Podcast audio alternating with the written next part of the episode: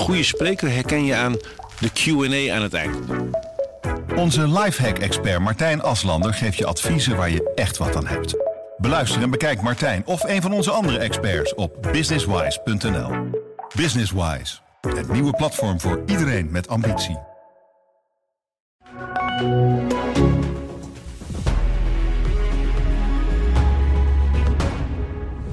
Bij de toeslagenaffaire is door rechters te snel de kant van de Belastingdienst gekozen.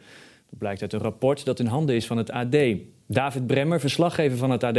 Ja, op welke groep is dit onderzoek precies gericht? Uh, ja, dit, dit is een rapport uh, waarin uh, eigenlijk bestuursrechters terugkijken op hun eigen rol in de veelbesproken toeslagenaffaire. Hè, waarin ouders ja, door de Belastingdienst eigenlijk spijkerhard behandeld werden. Hè? Niet alleen mensen die, die echt fraudeerden met toeslagen, maar ja, tienduizenden ouders die maar een klein beetje van hun toeslag niet konden verantwoorden, moesten soms tienduizenden euro's terugbetalen. En uh, ja, dat gebeurde op basis van uh, rechtspraak van de Raad van State. Uh, in het bestuursrecht, dat zeg maar dan het, in alle zaken dat je als burger met de overheid te doen hebt, kom je bij een bestuursrechter terecht. ja, en die, zijn, die legden de regels ontzettend streng uit. En ja, de, daar is heel veel kritiek op gekomen natuurlijk. Want wat zijn de conclusies van de werkgroep? Ja, de werkgroep zegt dat eigenlijk dat rechters uh, ja, burgers in de kou hebben laten staan. En dat ze eigenlijk meer tegen de hoogste rechter in hadden moeten durven gaan. Uh, en dat ze zich beter in zaken hadden moeten inleven. Hè, en dat ja, uh, op die manier wellicht signalen dat, dat die rechtspraak niet deugde, dat, dat die op die manier eerder naar boven hadden moeten komen. En wat zeggen die rechters zelf dan? Hadden ze dit beter kunnen doen? Nou ja, rechters, uh, wat, wat, uit het rapport blijkt, is dat de rechters heel erg ermee worstelden. En wat wel aardig aan het rapport is dat er ook verhalen van individuele rechters uh, in staan die de toeslagenzaken hebben behandeld. Ja, en die voelden zich daar vaak, vaak hoogst ongemakkelijk bij. Alleen, uh, ja, zij zeggen ook van, ja, doordat wij eigenlijk wisten dat de hoogste rechter, de Raad van State, sowieso uh, ouders ongelijk zouden geven, ja, voelden ze zich heel bezwaard om dat zelf ook te doen. Want dan dachten ze van ja, dan geef ik een ouder gelijk. Maar ja, ik weet nu al dat een hoger beroep niet in stand blijft. En dan maak ik die mensen blij met een dode mus. En ja, en in dit rapport zegt van ja, had dat toch maar gedaan. En, en, hè, want hoe meer rechtbanken dat, dat wel doen, hoe toch groter de druk dan misschien op zo'n Raad van State is om, om, om dat beleid, hè, die jurisprudentie te wijzigen. Ja, het AD spreekt met een aantal rechters hè, en die zeggen een nare bijsmaak te hebben. Worden zij nog op de vingers getikt dan? Uh, nou ja, we, we, hebben zelf trouwens niet met die rechters gesproken hoor. Dat staat in, staat in het rapport. Wij hebben gewoon het hele rapport in, uh, in handen. En, en, daarin staat uitgebreid en, uh, staat in wat zij, wat zij, hoe zij er zelf over denken. Maar ja, kijk, de rechterlijke macht in Nederland is, is onafhankelijk. Dus ze kunnen niet op de vingers getikt worden. Althans, niet hiervoor. Kijk, in, in heel uitzonderlijke gevallen kan een rechter uh, op zijn vingers getikt worden, maar, maar eigenlijk dan door de beroepsgroep zelf.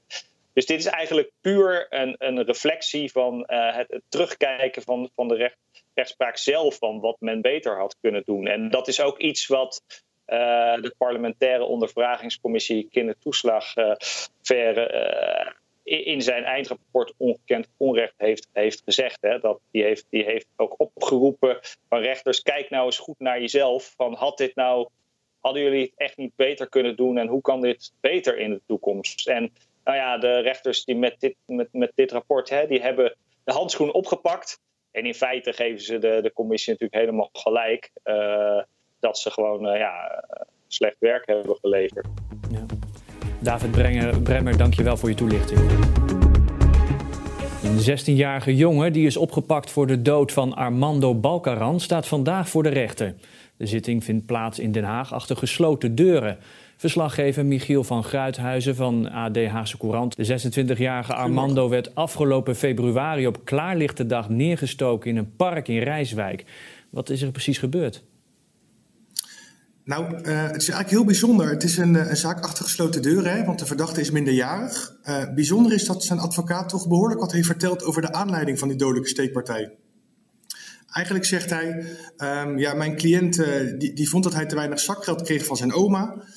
Um, heeft toen geprobeerd Armando te overvallen. Hij had ook een mes bij zich. En toen Armando eigenlijk uh, ja, zijn spullen niet meteen wilde geven, is het uit de hand gelopen. Hij wilde eerst Armando in zijn been steken en uiteindelijk stak hij hem in zijn rug. En die verwonding die bleek dodelijk.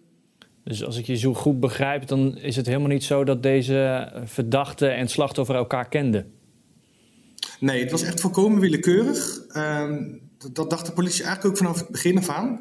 Hij werd natuurlijk midden op de dag neergestoken terwijl hij een lunchwandelingetje maakte in een heel druk park op de, op de rand van Rijswijk in Den Haag. Um, en de verdachte wordt verweten dat hij ook meer mensen al heeft lastiggevallen of achterna gezeten met dat mes. Ja. En was deze 16-jarige verdachte meteen al in het vizier van de politie? Nee, dat, dat, dat ook totaal niet. Um, uiteindelijk heeft, heeft hij zich na zes weken op het politiebureau gemeld. Nadat beelden van hem in opsporingsprogramma's uh, werden laten zien. Toen duurde het eigenlijk ook nog eventjes voordat hij herkend werd. Maar een eh, tiener die met messen achter mensen aan zit en er zelfs eentje dodelijk verwond. Ja, wie is dit? Wat weten we van hem? Nou ja, eigenlijk dus heel weinig, want het is een, een minderjarige. Dus die zaak die vindt achter gesloten deuren plaats. Er, is, uh, er wordt extra op zijn privacy gelet. Um, maar ik sprak van de week een jeugdofficier van justitie uh, van de Haagse rechtbank. Niet over deze zaak, maar in het algemeen over wapengebruik onder jongeren. En ook op het OM maakten ze toch eigenlijk wel heel erg zorgen over uh, tieners die met wapens rondlopen. En die steeds ook vaker lijken te trekken. Ja, want deze verdachte is dus een tiener. Welke, welke straf hangt hem dan boven het hoofd? Ja, een, een, tiener van deze leeftijd is 16 jaar, nu 17. Die kan uh, maximaal twee jaar jeugd, uh, of, uh, jeugdgevangenis krijgen. Hij kan in een inrichting belanden gedurende een beperkte periode of hij kan jeugd-TBS krijgen. Dat zijn de maximale straffen. Giel van Gruithuizen, dankjewel.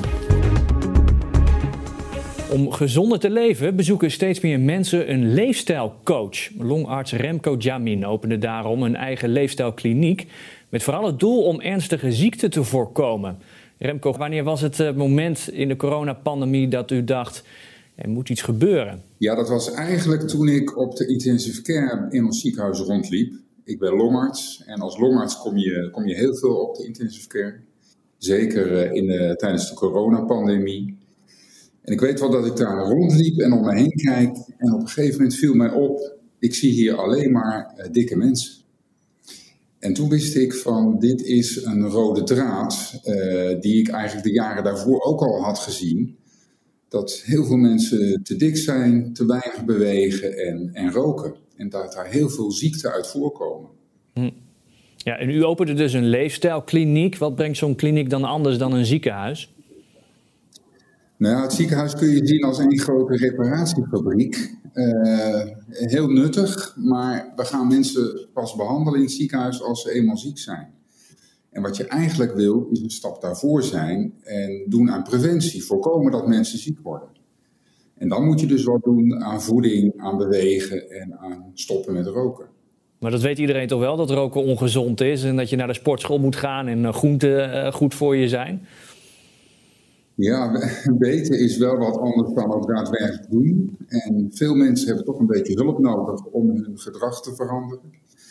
En het is belangrijk dat je de goede dingen doet.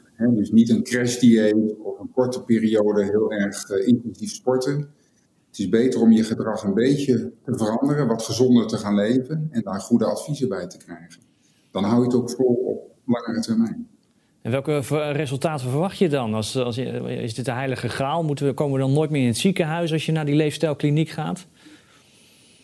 Nee, zo is het natuurlijk niet. Het is ook niet zo dat, uh, dat je alleen maar ziek wordt door je eigen toedoen. Dat, dat kan ook zijn omdat je daar aanleg voor hebt of omdat je pech hebt.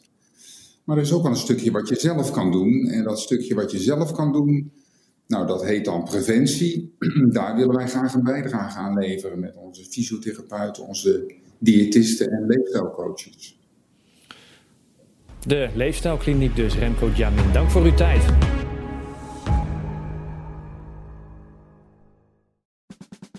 Luister ook naar onze podcast Politiek Dichtbij. In een half uur praten we hierbij over de stand van zaken op het Binnenhof. En niet alleen vanuit de wandelgangen in Den Haag, maar ook vanuit een regionaal perspectief. We zijn te vinden in onze app, op Apple Podcast en op Spotify. En wie zijn wij dan? Wij zijn Leonard Beekman en Tobias den Hartog. Mensen luisteren niet naar wat je zegt, maar kopiëren wat je doet. Onze vitaliteitsexpert Martin Hersman helpt je te focussen op wat echt belangrijk is. Beluister en bekijk Martin of een van onze andere experts op businesswise.nl. Businesswise, het nieuwe platform voor iedereen met ambitie.